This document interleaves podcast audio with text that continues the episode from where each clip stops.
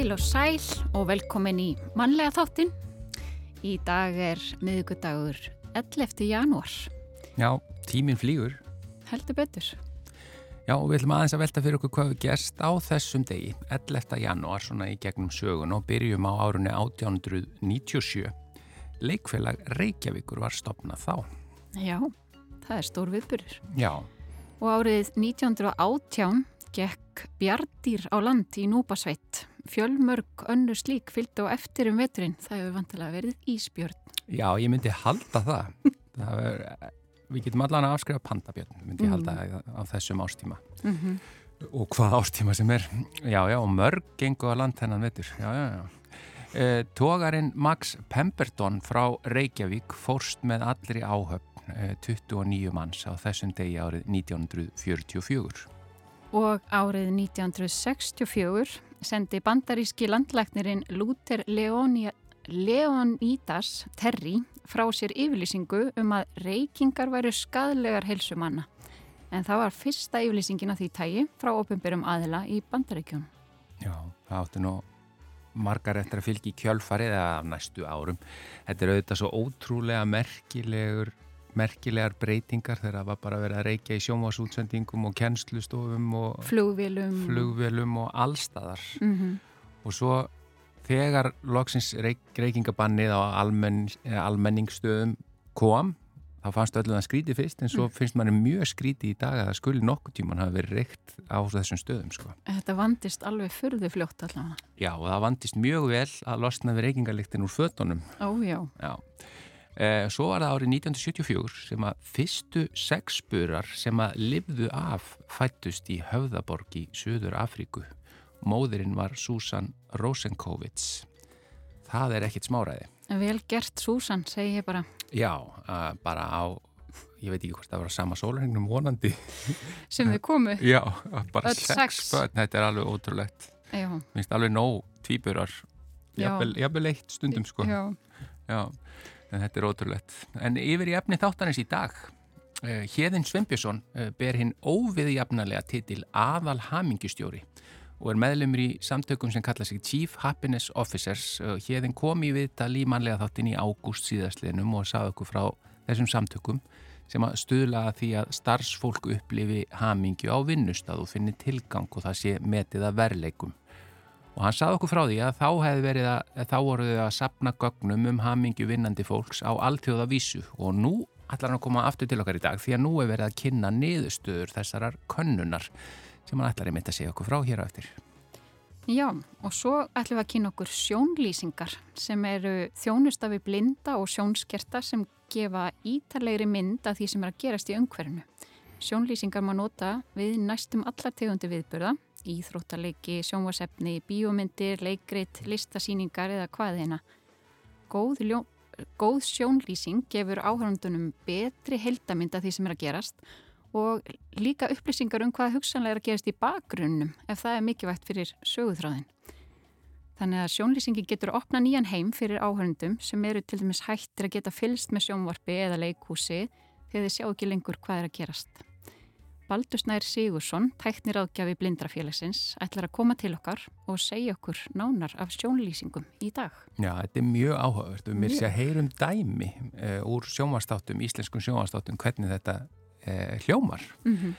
Svo ætlum við að forvitnast um málörfunar forritið orðalíkil. Það er gagvirt forrit sem að kennir undirstöðu þætti lestus og læsis og er uh, afsprengi nýsköpunafyrirtækisins Mozilla. Við höfum fjallað í þættinum um hættuna sem stæðjar að íslenskunni og íslensku kunnáttu yngri kynsluða nú á tímum snjaltækja, YouTube og TikTok og, og það sem að nánast öll afþreying er á ennsku og það er áskoranir sem fylgja svo íslensku kunnáttu raki ekki enn meira í kjölfarið. Orðalíkill er einmitt lestrar og málörfunar forrit og við ætlum að fá Jón Gunnar Þórðarsson frá Músil að segja okkur aðeins betur frá því hér á eftir. En í Sko tilefnið þess að því vorum að lesa þetta um sexburafæðinguna í Suður Afríku Mm -hmm. þá bara til heiðurs móðurinni Susan Rosenkovits ætlum að spila hérna lag sem að kallast Afrobeats það reyndar með íslenskri hljómsitt Það er Samuel Jón Samuelsson, Big Band, sem að spilar það.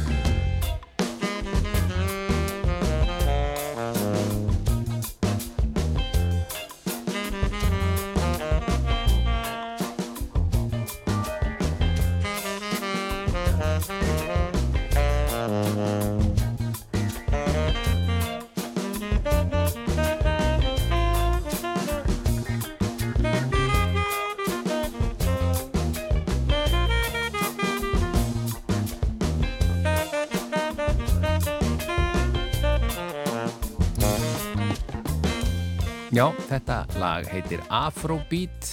Þetta er Samuel Jón Samuelsson, Big Band ásand Tony Allen og lægið er eftir Samuel Jón Samuelsson. Þetta var spilað til heiðurs henni, hvað heit hún? Uh, Susan Rosenkovits, sexburamóðurinn í Suður Afriku. Akkurat. En hann er sestur hérna hjá okkur hann Baldur Snær Sigursson, tæknir ágjafi Blindrafélagsins sem að ætlar að segja okkur aðeins af sjónlýsingum. Baldur, getur þú kannski bara byrjaði að segja okkur aðeins, hvað eru sjónlýsingar? Já, sjónlýsingar eru hérna uh, það sem er notal til þess að, að leifa sagt, blindum og sjónskirtum að fá sagt, fullan aðgang að já, flest öllum menningar viðbyrðum bara, getur maður sagt mm -hmm. um, og þetta nýtist nú ekki endilega bara blindum og sjónskirtum heldur sjónlýsingar nýttar í mikið annað og, og það maður næstum þau kalla útvarpið bara sjónlýsingu því að það er svona reynd að lýsa fyrir hlustendum uh, hvað er að gerast þetta er mann í hug íþróttaleikir og íþróttaviðbörðir og, og þetta hjálpar allt uh, blindum og sjónskertum og, og fleirum að upplifa viðbörði og, og hluti uh, já, af, svona meira heldur en bara sjónrænt mm -hmm. Og hverju er svona sérstaklega líst ef að ég fer á til dæmis listasýningu og það er einhver sem sjón lýsir? Það eh, hérna getur verið svo rosalega mismunandi. Mm það er getur líka oft verið bara sagt, hvað myndlistar síningin er að reyna að koma á framfæri sem er þá hluti af sjónlýsingunni. Þetta er ofta unnið mikið með þeim sem eru að framsetja efnið mm -hmm. því að þeir vilja líka koma ákveðnum skilabóðum eða upplifum kannski í, til þeir, hérna þeir sem er mæta á síninguna mm -hmm. en þetta eh, getur þá verið, já, útskýring á því hvort það sé myndverk eða, eða, eða annað sem þá er það líst, reynda að lýsa því sjónrænt fyrir þann sem ekki getur séð verkið mm -hmm. Hversu víða er bóðið bara upp á þetta í dag? Ég meina eins og segjum bara myndlistasýningar á listasöfnum eða hvernig gengur þetta fyrir sig? Það er að segja, er það eru það þá listasöfnin sjálf sem er að standa að þessu eða, eða, eða þurfa einstaklingarnir að bera sig eftir þessu eða? Sko, já, hérna á Íslandi hefur þetta verið eh, listasöfnin og söfnin hafa stundum tekið þetta bara að sig sjálf en síðan hefur blindrafélagið og, fleiri komið að með styrkjum eða þáttöku í verkefnunum mm -hmm. og listasafnir Reykjavíkur hefur til dæmis verið mjög duglegt upp að setja, að, að setja upp sjónlýsingar við síningar og þá er hérna uh, bara auglýstur tími og, og dagur og þá þeir sem vilja fá sjónlýsingu þeir geta mætt og þá er búið, einhver sem að kannski fylgjörðum í gegnum síninguna og, og er með þá sjónlýsingu sem er þá tilbúið handrit sem er þá mm. búið að vinna þetta, þetta, það eru nokkra sjónlýsingar sem eru gerðið hérna en það veri gaman að hafa meira mm -hmm. Og það er fólk sem er sérhæft í þessu, það var haldið námskeið, veit ég, fyrir hvað 11 árum, þar sem voru útskrifaðir hvað, tíu sjónlýsendur. Já. Þetta er gömul frétt. Já. Þetta er svolítið gömul frétt og ég mm. held að það séu tvær að vinna svona við þetta að miklu leiti í dag, ég veit ekki sem margir af þessum tíu er að vinna við þetta. Mm -hmm.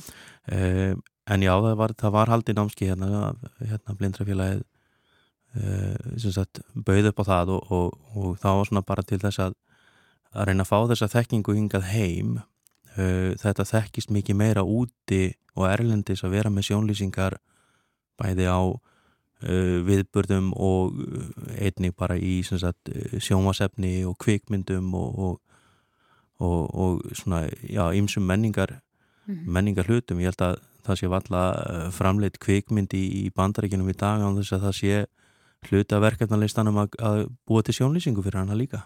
Og það, það þarf auðvitað bara alveg sérstaklega að gera með framleiðslunni að því að ég, við erum að, ætlum að hlusta aðeins á hérna, mm. bara mhm. þannig að fólk fái hugmynd um þetta að íslenskar sjómanstáttaræðir sem hafa farið inn á Netflix eh, það, er, það er sett, Netflix setur það reglur að það þarf að vera sjónlýsing með þar ekki satt. Jú, þeir, þeir hafa bara sett það sem bara algjöra reglu að allt efni sem er mert Netflix uh, Netflix-seríur og bíómyndir að þær eru allar með uh, hérna svona audio description eða, eða sjónlýsingu. Mm -hmm.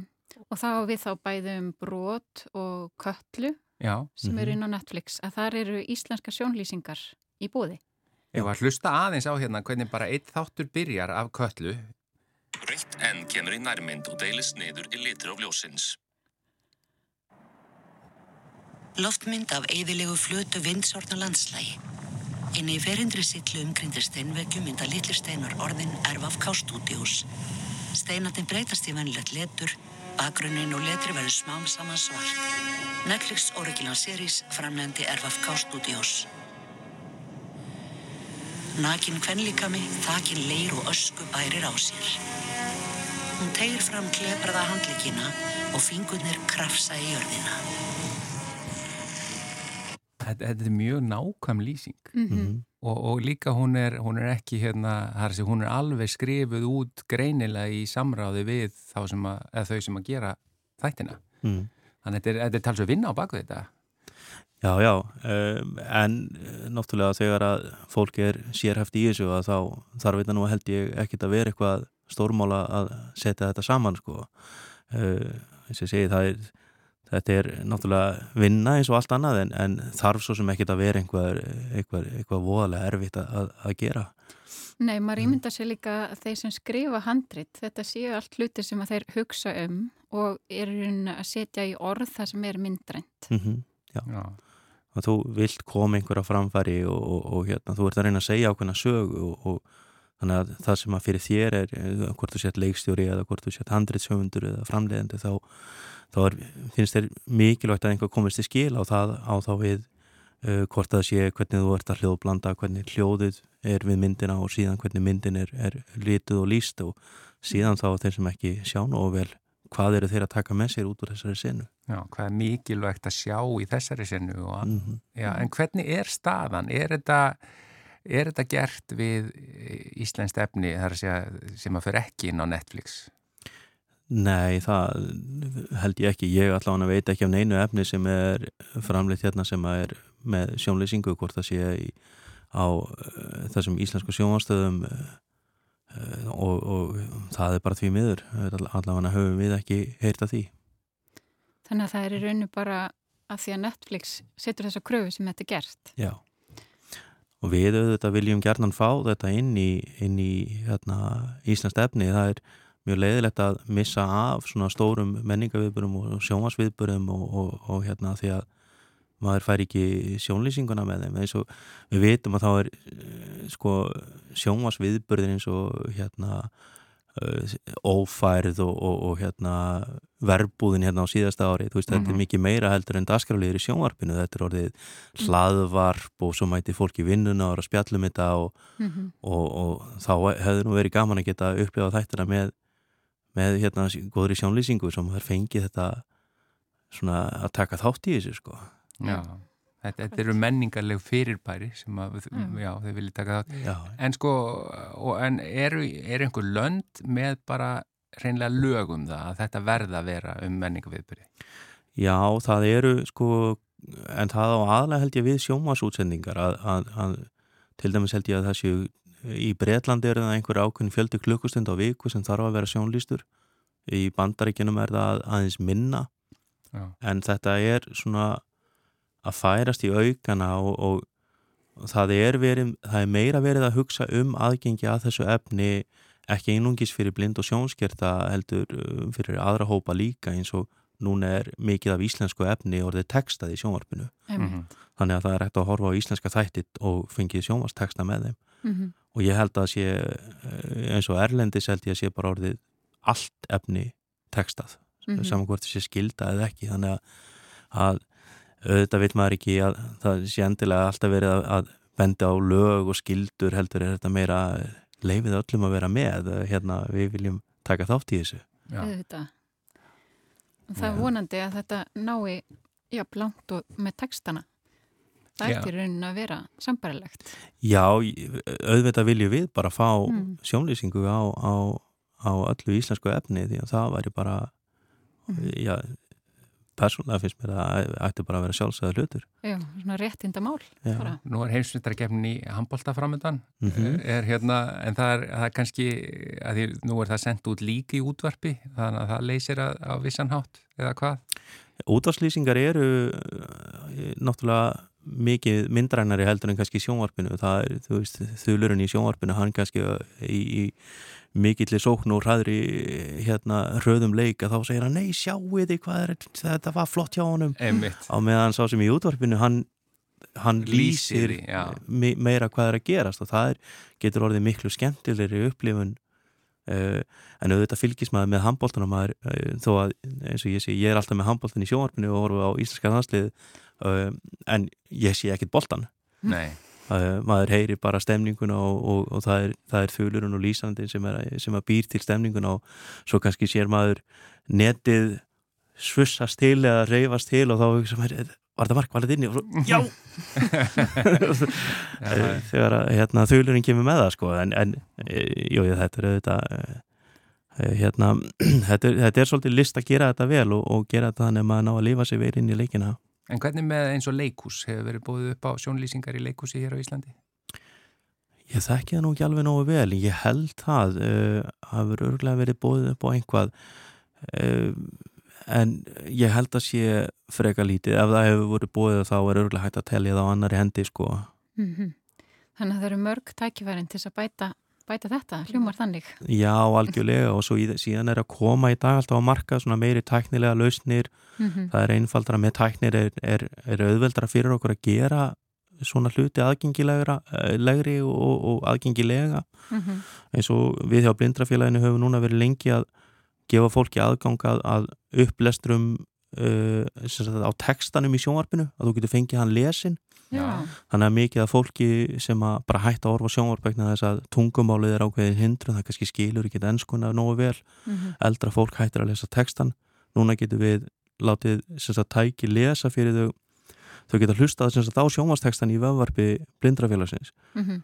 og þá geta þau bara verið með heyrnatól heima í stofu Mhm. fengið textan lesin fyrir sig og verið síðan að fylgjast með og hlusta á allt upplifunin í sjónvarpinu sem sagt talið, tónlistina og allt svo leiðis að fylgir með sko. Já, Já. Þannig að þetta er svona fyrsta skrefið en auðvitað var í gaman að hafa hljóður á sem að myndi bara uh, lýsa líka senunni fyrir þau sko. Já. Takk innilega fyrir að koma og segja okkur aðeins frá sjónlýsingum. Baldur Snær Sigursson, tæknir aðgjafi blindrafélagsins. Takk fyrir að bjóða mér. Og með þér ég þakka líka Nova leiðsögu hundinu þínu sem er með þér hérna. Takk fyrir.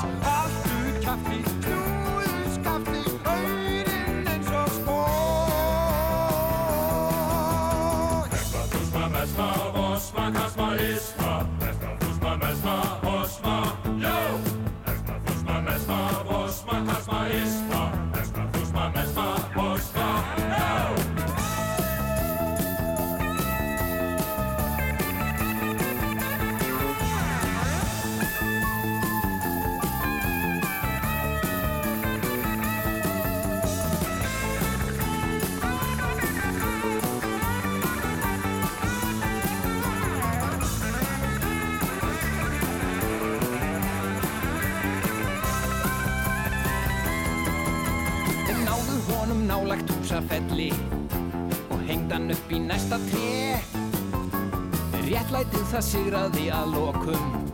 Og bankin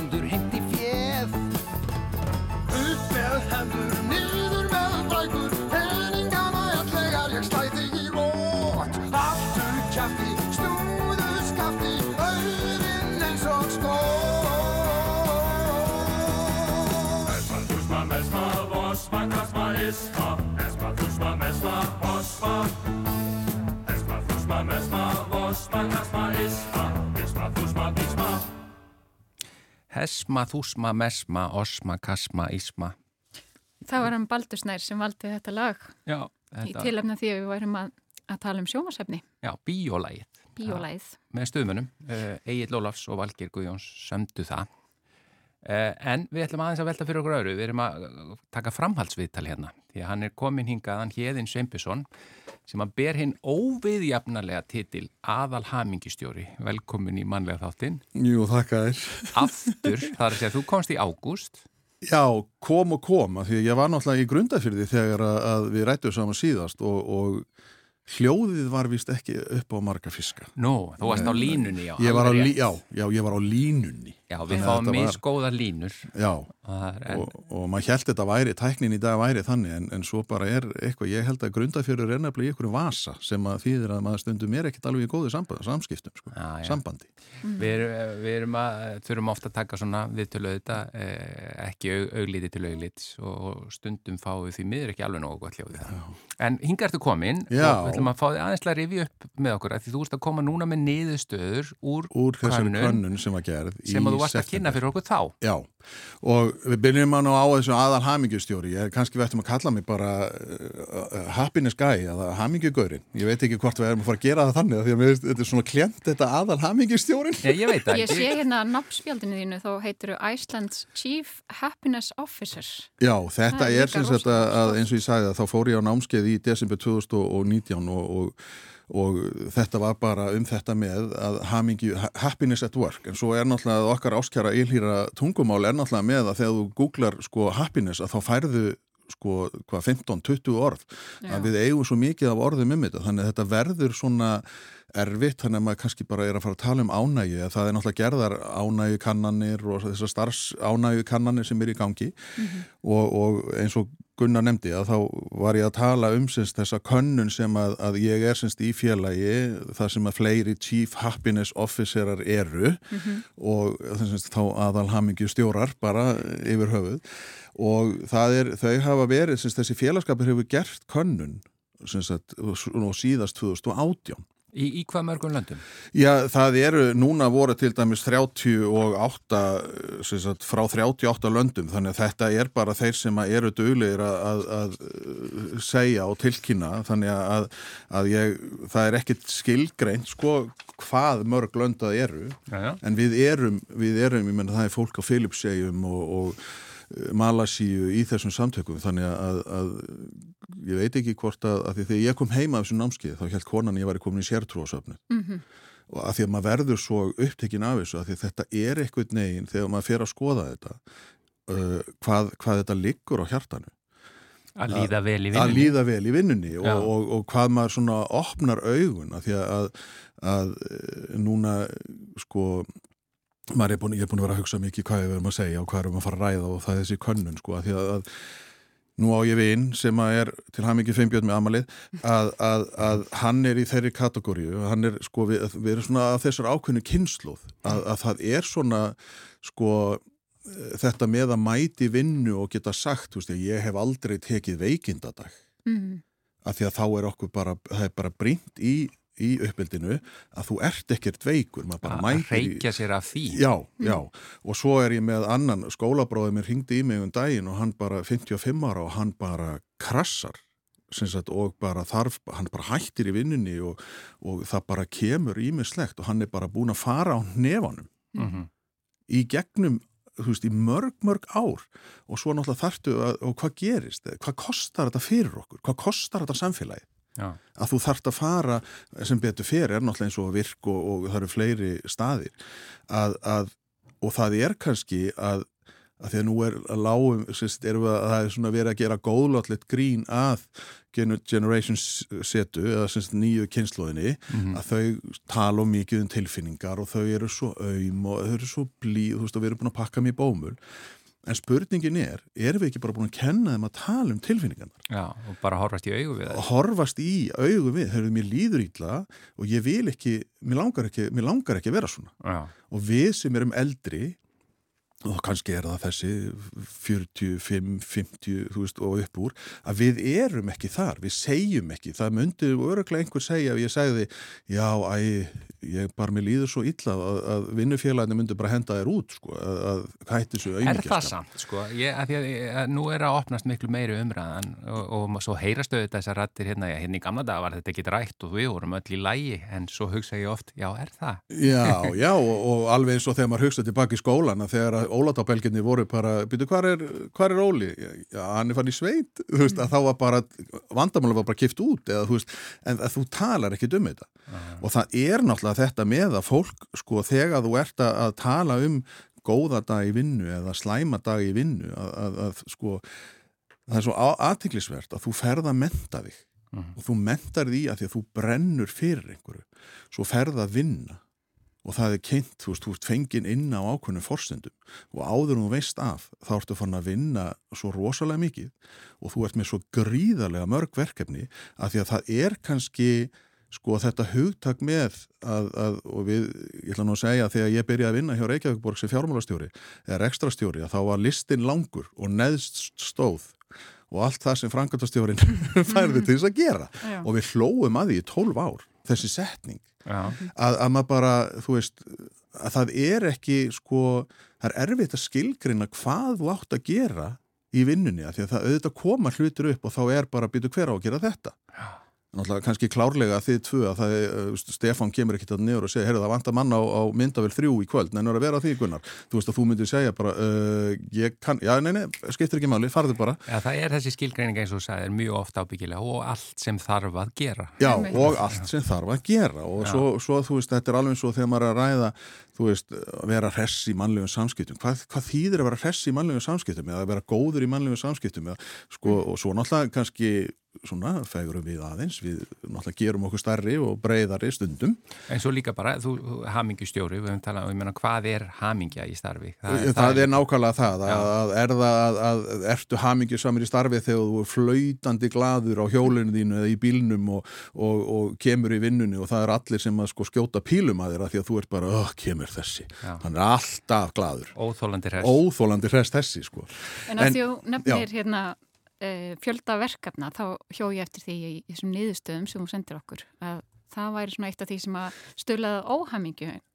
Já, það er þessi slæmu dagar að, að, að það er bara of mikil vinna eða Mm. mm. of mikið af verkefnum og, og neikvægt andrúsloft uh, leiðindi, þú veist, ég veit ekki hvernig leið, þetta með að þú ert að mórall sko, já, og leiðindi sko í því að þú, þú vilt náttúrulega líka læra eitthvað Mm mér finnst æðislegt þegar að maður er að fara og, veist, og maður lærir eitthvað Já, svona einhvers konar stöðnun eða... Já, það er bara stöðnun að Já. maður er, þú veist, eins og núna var ég, þegar ég var að tala við ykkur í sumar, að þá var ég, er ég búin að vera að vinna sem þjótt í grundafyrði, jú, þetta tekur á, en guðmund góður, hvað var gaman og hver, hver dagur, hann var alltaf öðruvísi, af því að það var alltaf aðra þjóðir, heldur en það var daginn áður og, og maður svona, já, akbýtu, þú kemur frá þarna, akkur gerur þú það, svona, þú veist, þetta veitti mér svo mikla ánæg og gleði. -hmm. að ég var svona, þú veist, auðvitað er, ég er ekkert að segja það, maður, ég er ekki sá sem að er alltaf syngjandi og flautandi og eitthvað svoleiðis, auðvitað á maður, það er mjög óeðlegt og verður alltaf á í toppnum í gleðinni, sko, Já, þessi hressi, af því að við erum öll, við erum mannleg. En sko, eru einhverjar, hvað er svona, að því við höfum því miður ekki endalusan tíma, eh, hvað eru svona helstu niðurstöður og hvernig munið þið nýta þær? Sko, ég, þetta er fyrir okkur að, að nota þetta og kynna þetta og tala um þetta og, og kannski fara í fyrirtæki og, og, og tala um þetta og, hvaða leiðir eru hægt að, hvaða leiðir hægt að fara, af því að það þarf ekki að kosta mikið. Að því að, að það að veita sko launahækun, það hefur ekkert að segja. Það er bara skamtímalust en ég held þetta sé að, að hafa frjálsæði að vinna það sem þú ert góður í og fá klapp á bakið fyrir það sem þú ert góður í og vera tekið eftir.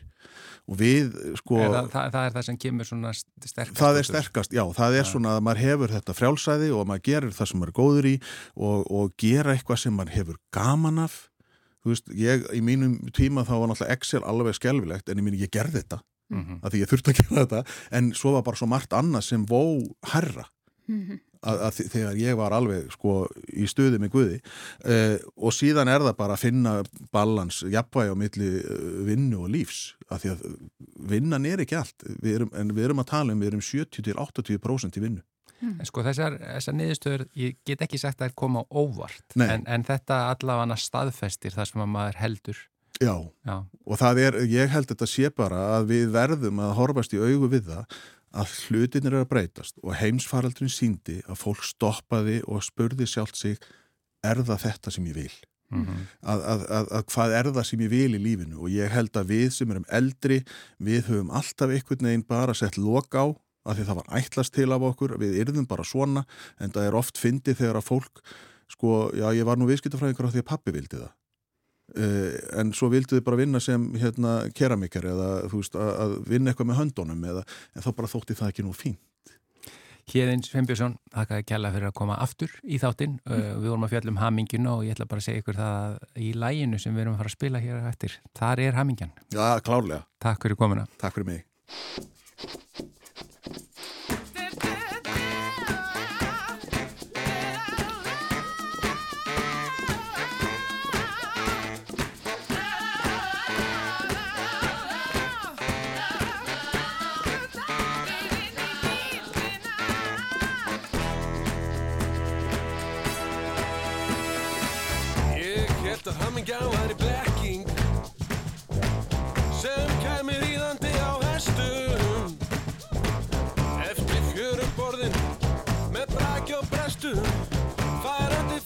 in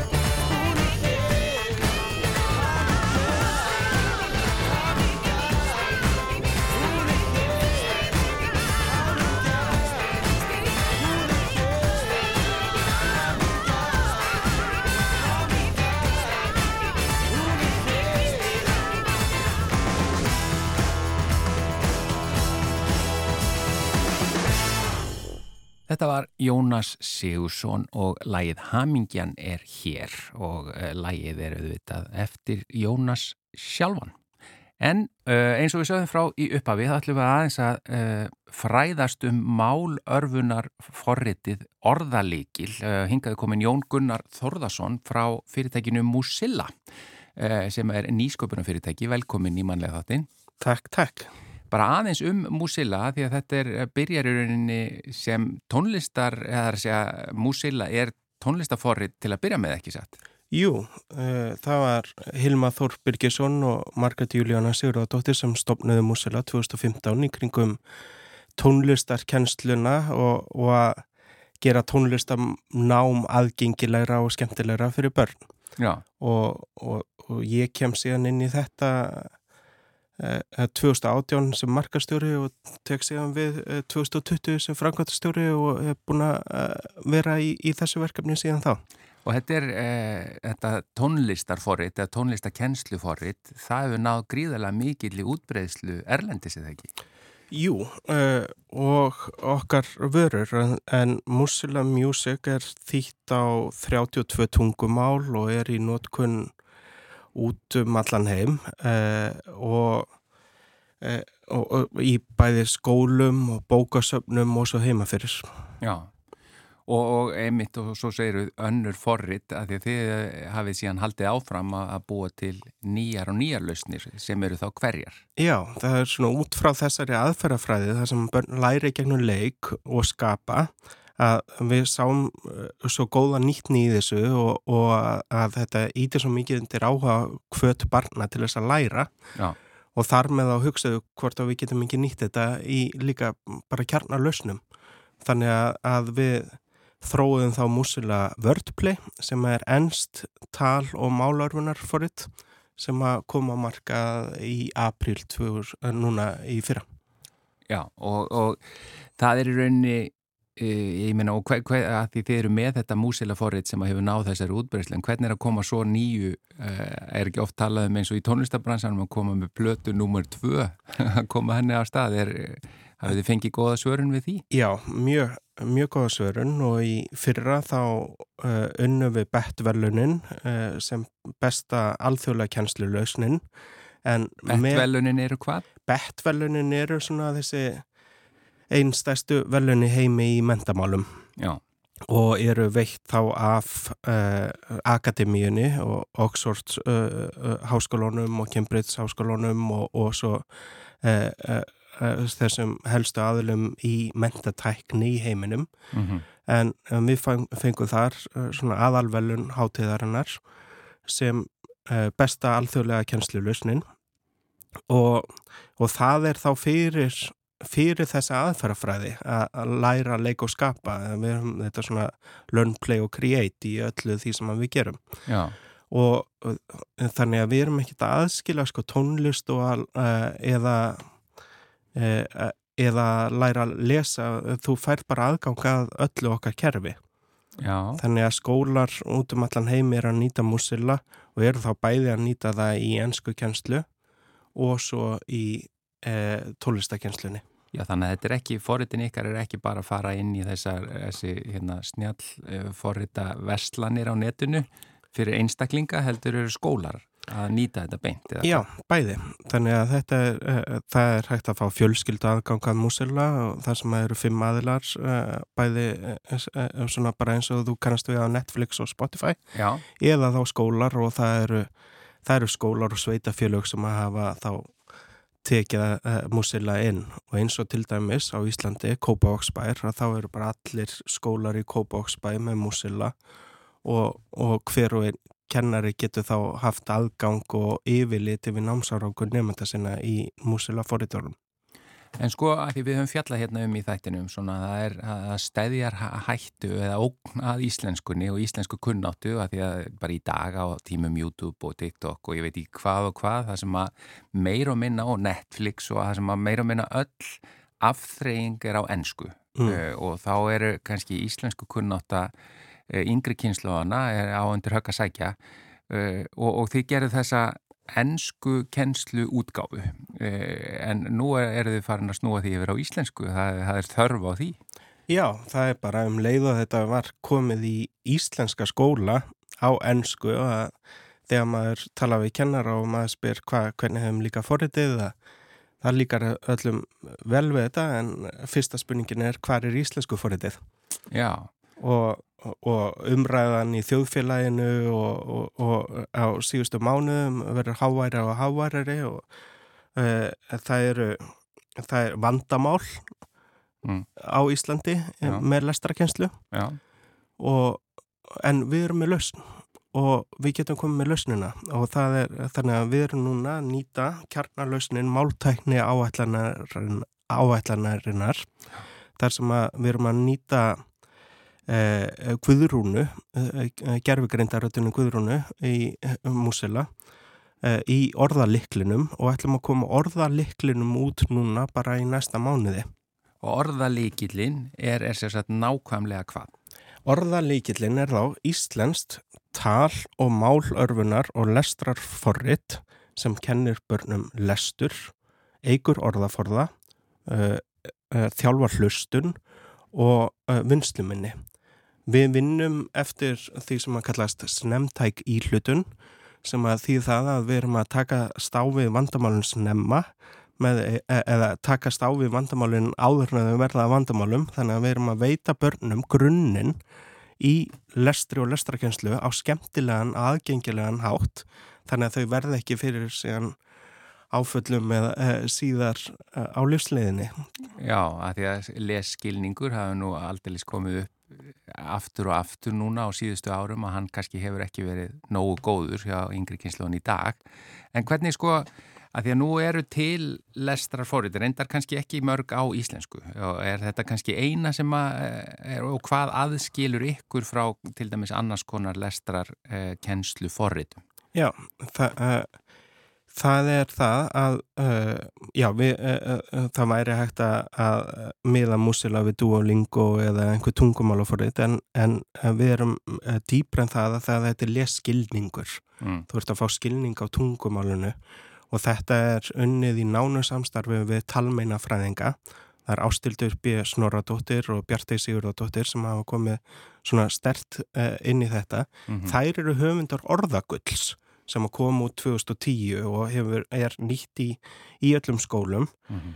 uh, uh, og, og Musilla, þróunatemi Musilla uh, hannaði síðan appið orðagull hérna árið 2016 en eh, núna orða líkillin, þetta er bara dýbra, um, aðgengilegra, uh, meira efni og, og inn í því eru ekki bara sko, uh, æfingar, leskinningsæfingar heldur er líka sko, leikir þar sem að þú getur farið og, og unnið orðasúpur eða stafað uh, eftir uh, þrautum og þannig að við, við nýtum okkur leikjafræðina Já. til þess að sem er auðvitað samkeppnin að því að ég menna krakkarnir eru í snjalltækjónum í tölvuleikjum og horfa á afþreyingar efni þannig að það þarf að keppa við það. Já, já, það þarf að keppa við þetta að það, eða, og það þarf að nálgast börnin á þeirra forsendu. Já.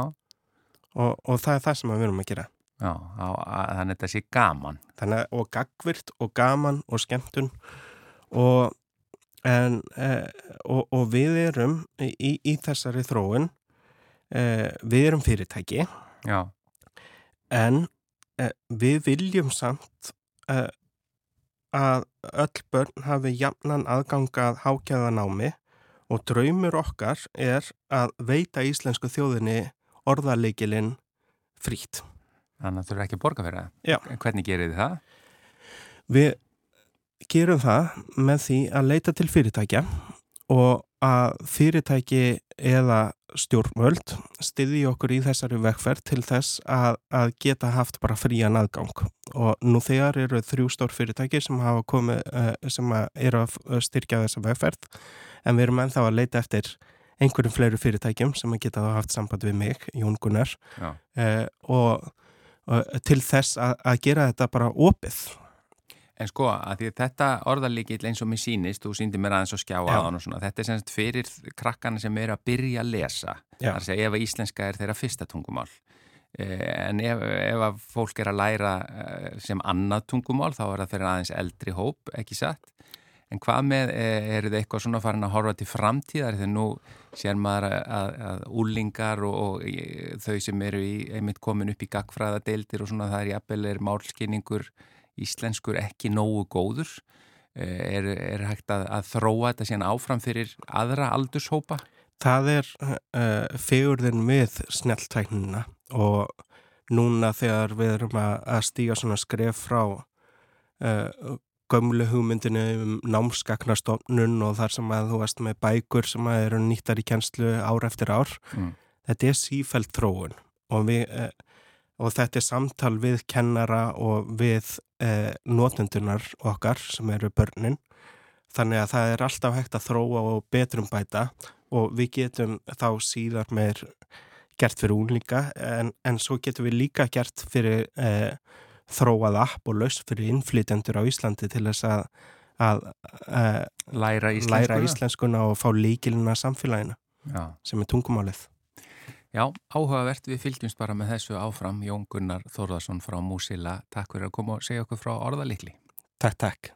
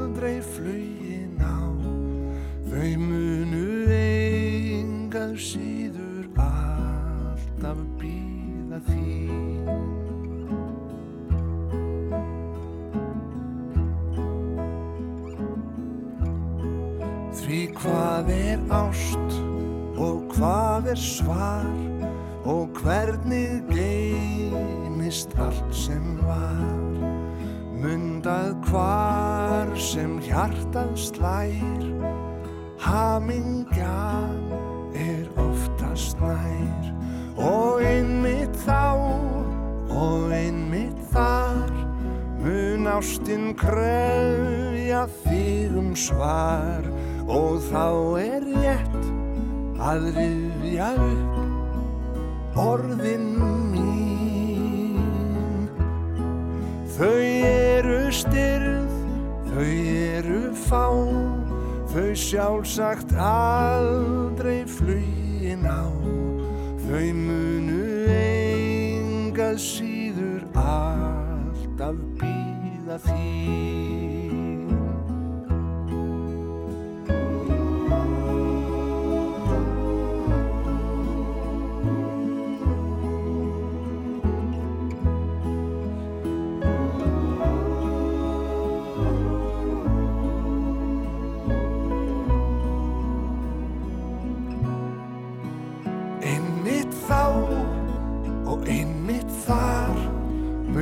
ástinn krefja þig um svar og þá er rétt að rifja upp orðin mín. Þau eru styrð, þau eru fá, þau sjálfsagt aldrei flugin á.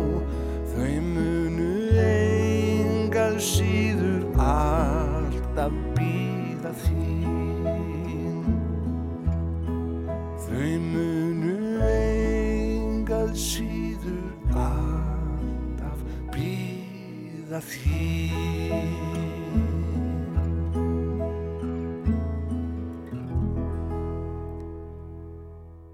Þetta var Sigurður Gummundsson sem söng Orðin mín, Memphis Mafian.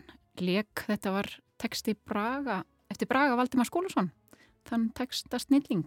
Já, orðin mín áttu vel við eftir uh, umræðunum orða líkil en þetta var líka bara síðasta lægið í þættinum í dag. Uh, við verðum hér auðvita aftur á sama tíma á morgun og þökkum innilega fyrir samfélgina í dag.